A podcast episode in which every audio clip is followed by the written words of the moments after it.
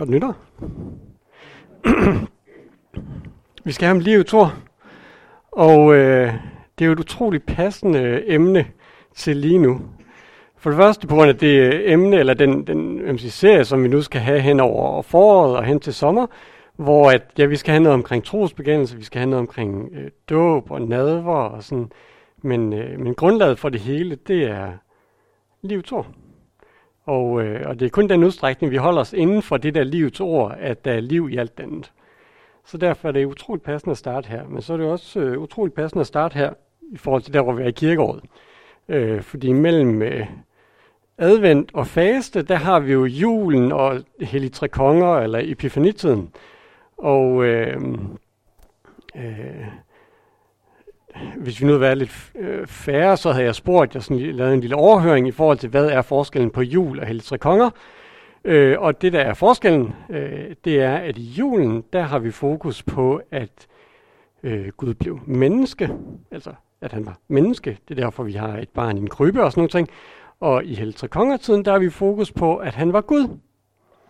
Øh, og det her, det er jo Heltre Kongers søndag, så det er passende, at vi på den her søndag har noget omkring livets ord. Fordi det er jo noget omkring det, at Jesus han var Gud. Han var ikke blot et menneske, han var Gud.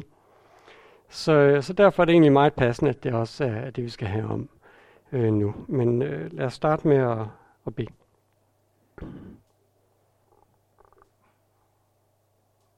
Ja, det er dig, der er livets ord.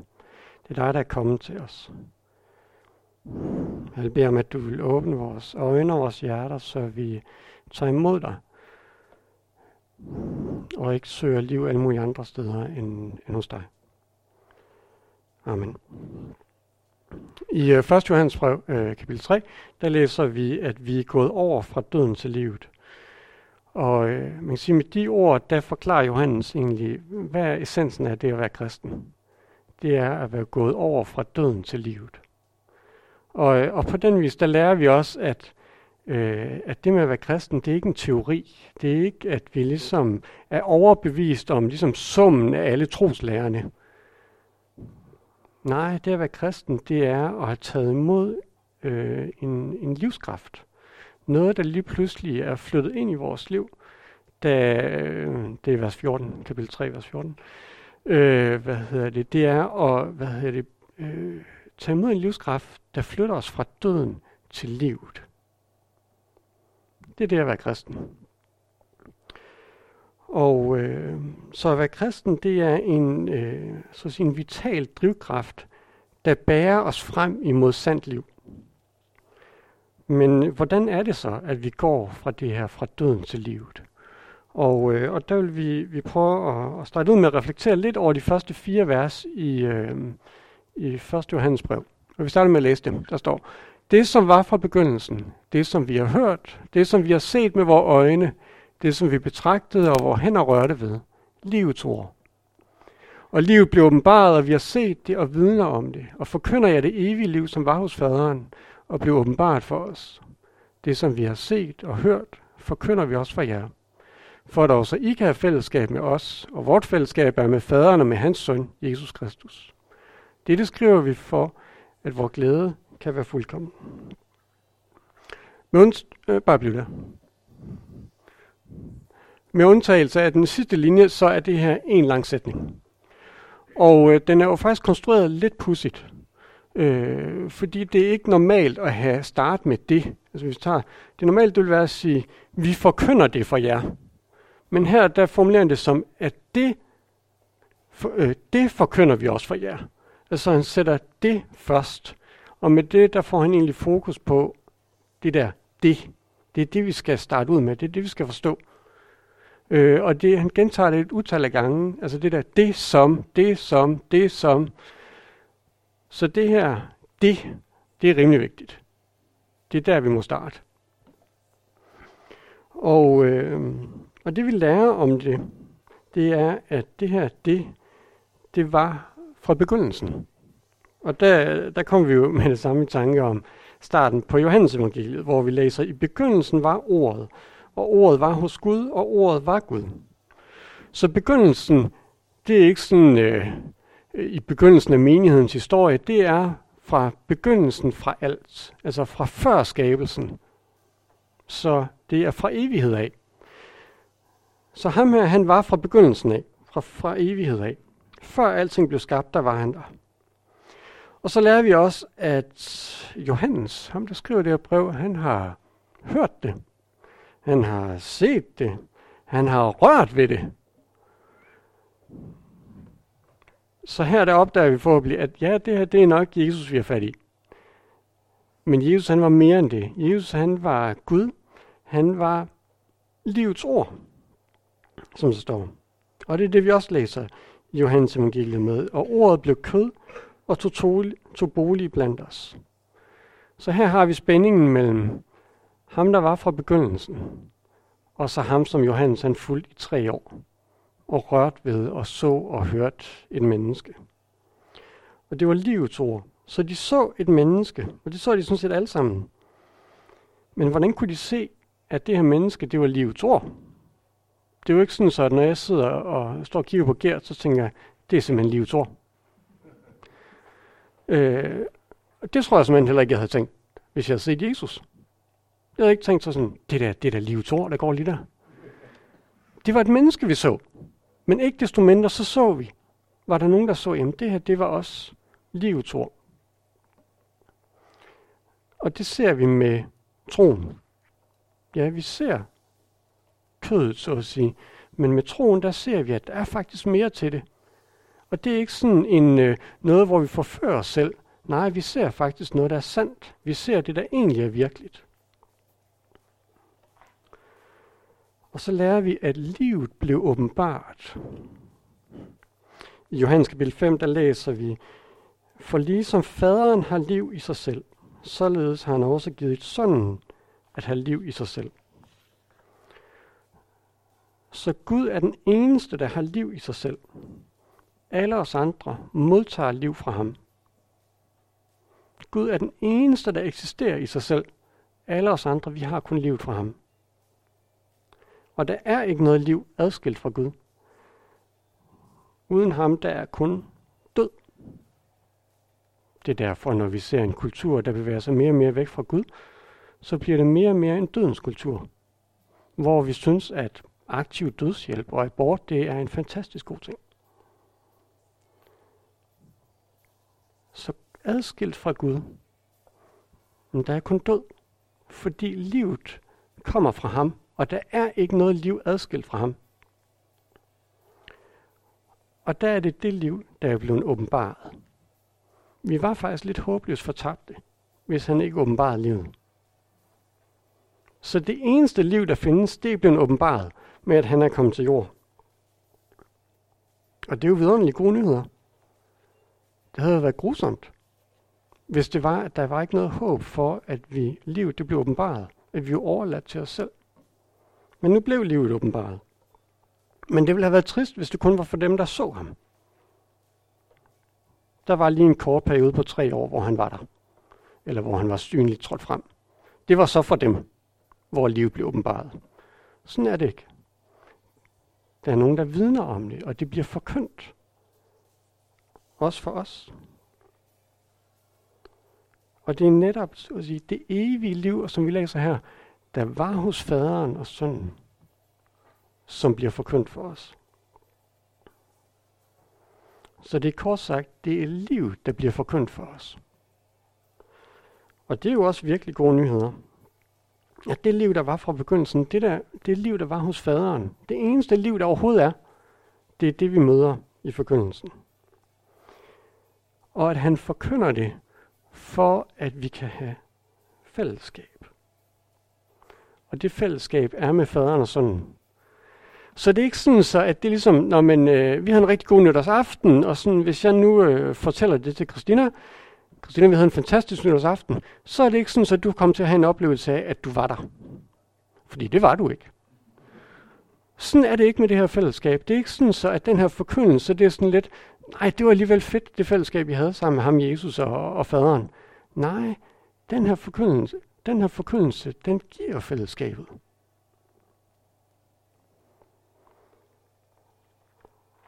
Og hvor at det her, det er et levende fællesskab med den levende Gud, som vi får adgang til. Vi er så at sige inviteret ind til festen ved forkyndelsen. Og, øh, og det er den, øh, og det giver så at sige adgang til den fuldkommende glæde. Jeg tror, vi kan alle sammen jage glæde på forskellige vis. Øh, og nogle gange så kan vi ligefrem også opleve vores glæde. Øh, men, øh, men den fuldkommende glæde findes kun et sted. Og det er der, hvor vi søger Gud og søger fællesskab med ham. Alt andet er sådan nogle, måske nogle gaver fra ham eller nogle efterligninger. Noget, der forsøger at imødekomme en længsel hos os. Men den kan kun imødekommes der, hvor vi søger ham og op og finder ham. Men der er også den fuldkommende glæde. Men der er jo noget her, som vi let kan, øh, ikke kan overse, men bevæger os lidt for hurtigt over. Og det er, jamen, hvordan kan vi have fællesskab, når åbenbaringen nu er så forskellig? Altså prøv at tænke, øh, Johannes, altså den disciple Jesus havde kær, som lå nærmest hoved til hoved øh, skær torsdag aften den disciple, der har fulgt ham i tre år, var med på forklarelsens bjerg og så hans herlighed. Den disciple, det er ham, der taler om her. Og han siger, at vi har samme fællesskab med Jesus og med faderen. Det er nemt at tænke, at vi, kan, vi er ikke vi er, vi er lykkelige, men ikke helt lige så lykkelige. Vi har fællesskab, men ikke helt lige så meget fællesskab med den åbenbaring, eller den forkyndelse, vi nu har modtaget. Men det, det der står her, det er, at, at vi har samme del i fællesskabet. Og Jesus han siger det jo også til apostlen Thomas, han der også har fået øh, kælenavnet Tvivleren, øh, hvor at, øh, der siger Jesus til ham, du tror, fordi du har set. Salige er de, som ikke har set, og dog tror. Så det er næsten som om, at der er en særlig lykke for dem, der tror uden at have set. Så vi er salige eller lykkelige, når vi tror uden at have set. Og der er ikke mindre glæde hos os i det fællesskab, vi har med faderen og sønnen, når vi tror gennem forkyndelsen. Og hvad der bliver afsløret om Bibelen her? Vores Bibel, den er bog sort i min udgave. Det er apostlenes forkyndelse. Så når han taler om forkyndelsen her, eller det han skriver, så er det jo det her, han taler om. Det er det her, han taler om. Så Bibelen forkynder livets ord for os. Så vi har Bibelen for, at vi kan have fællesskab med faderen og sønnen. Og øh, så man også øh, tilføjer heligånden. Så den her, det er for at give det her fællesskab, som de her vers, de taler om. Men der kan vi jo nemt komme til at, øh, at tænke om Guds ord som, at det er sand information. Altså at Bibelen lærer os, hvad der er sandt. Og, øh, og der var en, en dreng, øh, der på et tidspunkt sagde til Einstein, går historien, du er godt nok god til at regne. Og det er jo sådan set rigtigt nok. Jeg, øh, jeg er da sikker på, at Einstein er god til at regne. Øh, men det er på en eller anden måde en lidt utilstrækkelig beskrivelse af, hvad det var, han egentlig kunne. Og, og på samme måde er det med den her. Jamen, den er sand. Det er den da. Og ja, den er uden fejl. Det er den da. Selvom vi nogle gange hører rygter om anden. Men den, er, den er sand og altså uden fejl. Men det er egentlig en ganske utilstrækkelig beskrivelse af, hvad det egentlig er. Og, øh, og lad os da kigge på skal sige, tre ting, som er, værd at fremhæve. Det ene det er, at ordet er levende. Det andet er, at ordet har øh, autoritet. Og det tredje, at ordet er stærkt under alle forhold. Og lad os starte med det her med, at ordet er levende. Og øh, jeg, jeg tager nogle, nogle få sådan, øh, nedslag i, i forskellige øh, vers eller sådan igennem Bibelen. Altså vi kan tage helt fra starten af med skabelsesberetningen, hvor at, øh, hvis nu tager det bare igen i Johannes kapitel 1, hvor der står, alt blev til ved ham, og uden ham blev intet til af det, som er. Så alt blev skabt ved ordet. Det er ordet, det er livets ord, som kom til os som menneske, og som også bliver forkyndt. Så det, det er et skabende ord, vi møder. Eller i Esajas 55, der læser vi, For som regnen og sneen falder fra himlen og ikke vender tilbage dertil, men væder jorden, befrugter den og får den til at spire og give udsæde til den, der vil så, og brød til den, der vil spise. Sådan er mit ord, som udgår af min mund. Det vender ikke virkningsløst tilbage til mig, men det gør min vilje at udføre mit ærende. Så Guds ord det er ikke virkningsløst, men det gør Guds vilje. Og igen der ser vi, at ordet er levende. Det, det bliver ikke beskrevet som, at det her det er sand information. Det er noget, der er levende, det er skabende, det virker, eller det, det gør sin virkning. Eller vi har talt lignelsen om sædemanden i øh, Lukas kapitel 8, hvor at der er en sædemand, der går ud og sår sit korn. Der er noget, der falder på, på vejen, noget blandt tisler, der er noget, der falder på klippen, og så noget, der falder i en god jord. Og det, der falder i den gode jord, det bærer mig en frugt. Og Jesus han forklarer lignelsen for os, at kornet er Guds ord, der bliver sået i os mennesker. Og der, hvor Guds ord det falder blandt nydelser eller bekymringer, eller der, hvor Guds ord ikke får lov til at slå rod, jamen der bærer det ikke frugt. Der får det ikke lov til at være det Guds ord, som det egentlig er. Men der, hvor det falder i den gode jord, og det bliver hørt og bevaret i et godt hjerte, jamen der bærer det meget en frugt. Så igen, der ser vi, at ordet det er noget, der er levende, og det er først, når ordet det så at sige bærer frugt i vores liv, at vi egentlig forstår, hvad ordet er. Det er ikke bare sand information, noget vi på afstand ligesom kan sige, jamen det er godt nok rigtigt. Nej, det må ligesom øh, få lov til at komme ind i en god jord i vores liv, og bære frugt i vores liv. Og hos Paulus, der læser vi 1. Thessalonikerbrev kapitel 1, vers 13. For da I modtog Guds ord, som I hørte af os, tog I ikke imod det som menneskeord, men som det, det i sandhed er, Guds ord. Og det virker i jer, der tror. Så Thessaloniker menigheden, de hørte et menneske tale. De hørte Paulus, et menneske, tale. Helt almindeligt menneske, der talte. Men de tog ikke imod det som et menneskeord. Nej, de modtog det som det, det i sandhed er, Guds ord. Og når de tog imod det i tro, så virkede det i dem. Så gjorde det noget i dem. Det bragte liv til dem.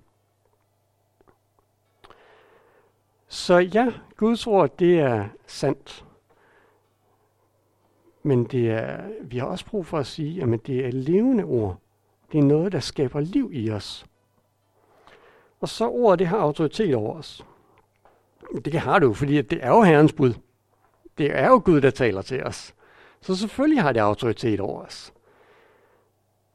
Det har også autoritet over os, som sandheden har autoritet over os. Altså, at lever vi uden ordet, hmm, der lever vi i løgn.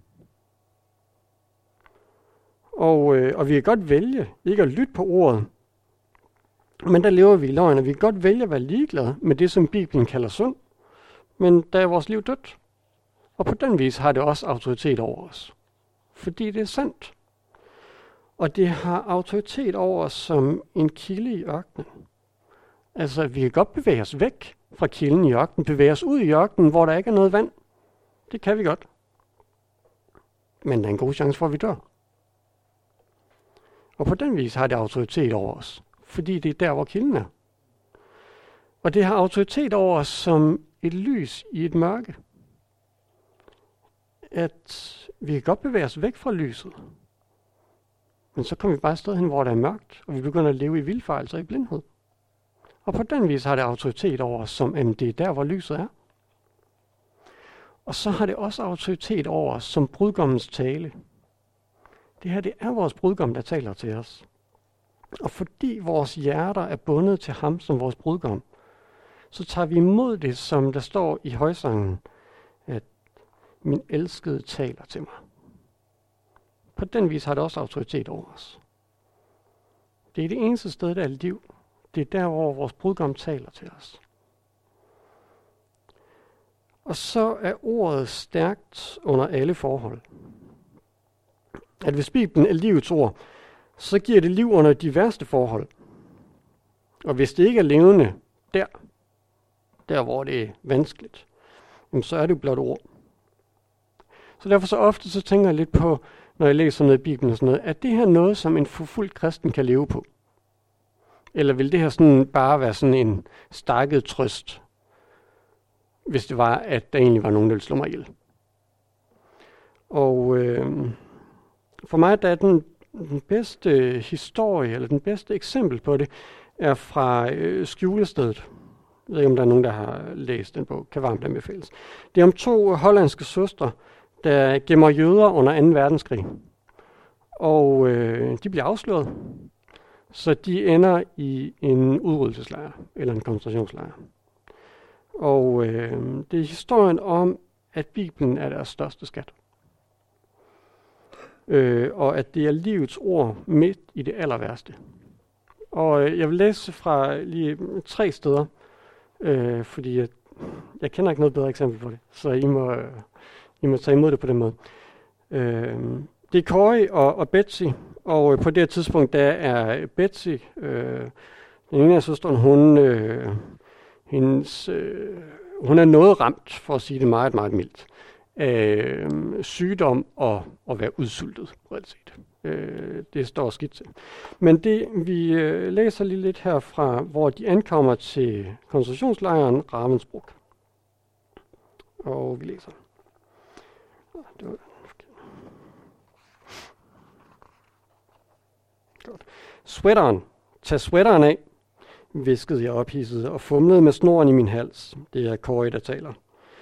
Betsy rakte den til mig, og i løbet af et øjeblik havde jeg viklet den rundt om Bibelen og vitaminflasken og gemt det dyrebare bundt under bænkene.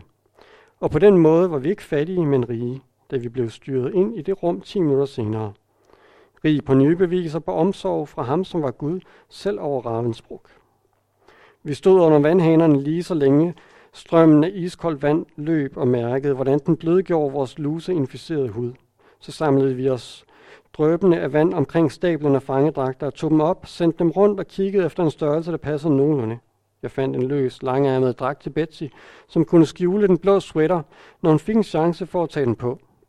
Jeg snodede mig ned i en anden til mig selv og rakte om bag bænken og skubbede, i den, og skubbede den lille bylt ned i halsåbningen. Den lavede en bule, som man kunne have, som man kunne have set tværs over grote magt. Jeg trykkede den så flad, som jeg kunne, da jeg skubbede den ned og trak den, trak den rundt om livet på mig, men den kunne ikke rigtig skjule sig under den tynde bomuldstragt. Og hele tiden havde jeg den utrolige fornemmelse af, at det ikke betød noget, at det her ikke var mit projekt, men Guds. At alt jeg skulle gøre var at gå lige frem. Da vi i samlet flok gik tilbage ud af døren til baderummet, løb SS-mændene hænderne ned over hver eneste fange, foran, bagved, i siderne. Kvinderne foran mig blev kropsvisiteret tre gange, bag mig blev Betsy kropsvisiteret. Ingen rørte mig. Ved udgangen mødte os endnu en prøvelse, da en række kvindelige vagter undersøgte hver fange igen. Jeg satte farten ned, da jeg nærmede mig, men den ledende opsynskvinde slog mig hårdt på skulderen. Fart på, du bremser køen. Sådan ankom Betsy og jeg ud på natten til barak 8, og med os havde vi ikke blot Bibelen, men også en helt ny viden om ham, som hele bogen handler om. Og lidt senere så bliver det flyttet over i barak 28, øh, og der læser vi lige, hvor de er kommet ind. Jeg satte mig pludselig op og slog hovedet mod en sværpind over mig. Et eller andet havde nede mig i benet. Lopper, udbrød jeg. Betsy, det vrimler med dem. Vi kravlede over de mellemliggende platforme med hovederne sænket for at undgå flere stød. Lod os falde ned på malmgangen og kantede os vej hen til en stribe af lys. Her og her er der en mere, jamrede jeg. Betsy, hvordan kan vi bo sådan et sted? Vis os det. Vis os det. Det blev sagt så ligefrem, at det tog mig et kort øjeblik at opfatte, at hun bad. Afstanden mellem bøn og resten af livet blev mere og mere udvisket for Betsy, så det ud til. Corey, sagde hun spændt, han har givet os svaret. Før vi spurgte ham, som han altid gør. Det stod i Bibelen i morges.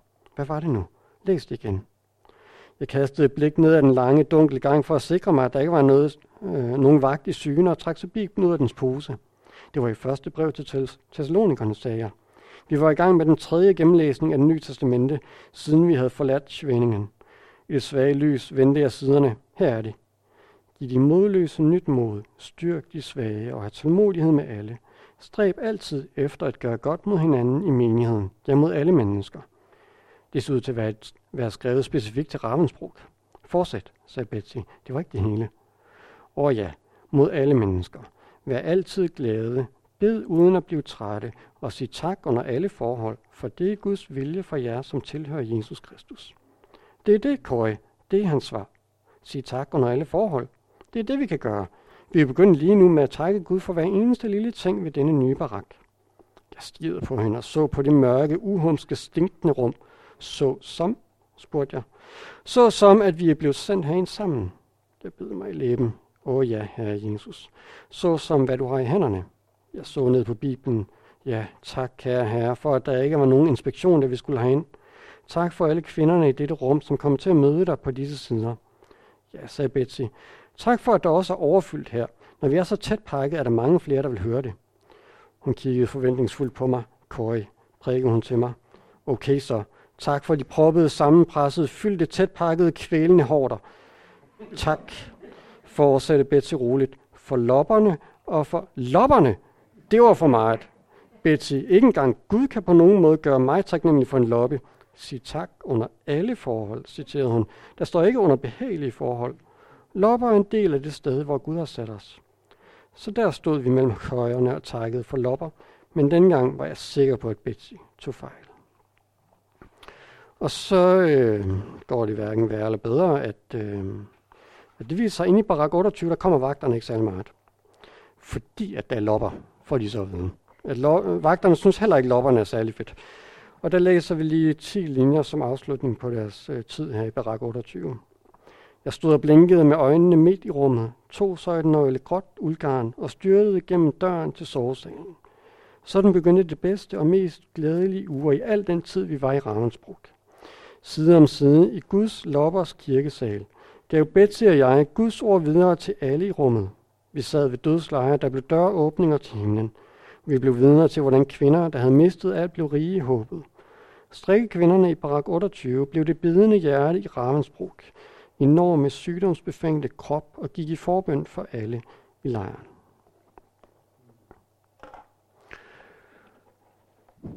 Så Guds ord er levende, og Guds ord har autoritet. Guds ord det er stærkt under alle forhold.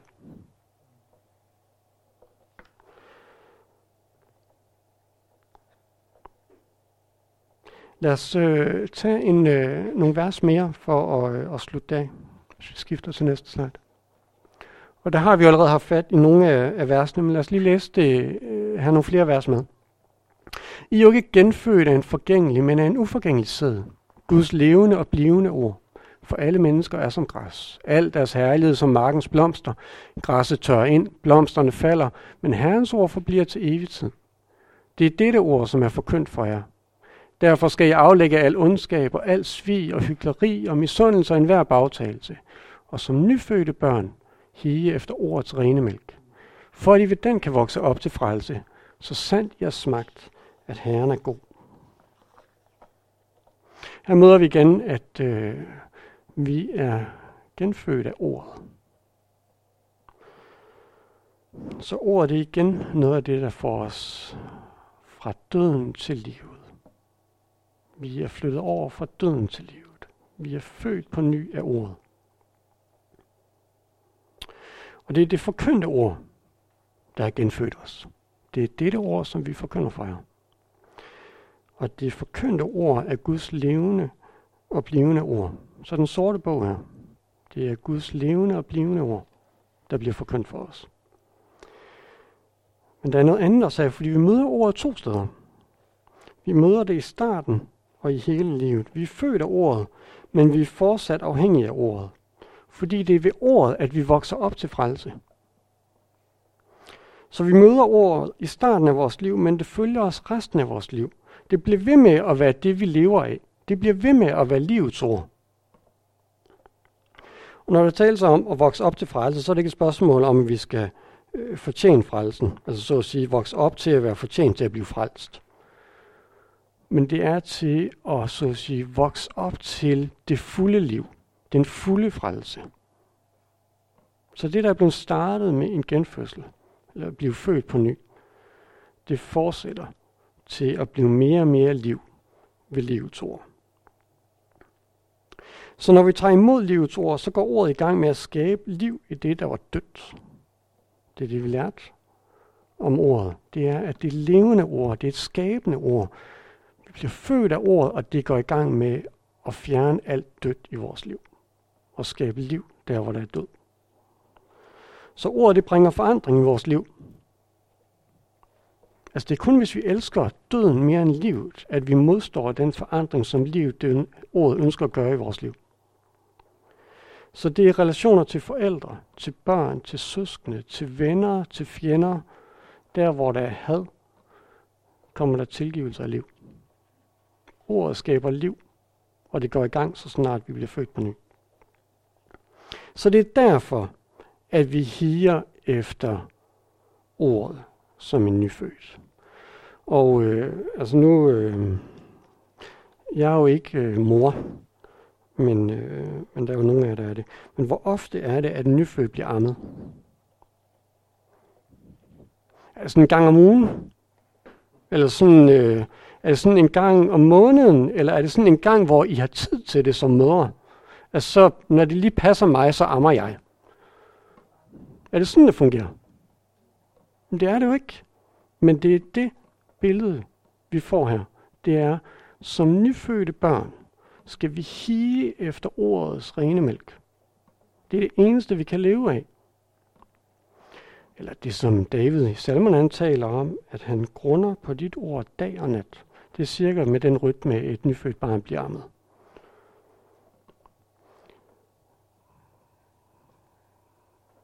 Så lad os hige efter ordet.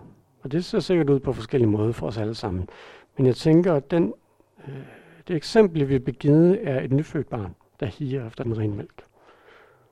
Så lad os med den samme længsel, efter den samme nød efter livet, efter den samme nødvendighed, at det er det eneste sted, hvor der er liv. Lad os da hige efter livets ord. Og må ikke det begynder at skabe liv i os. Lad os bede.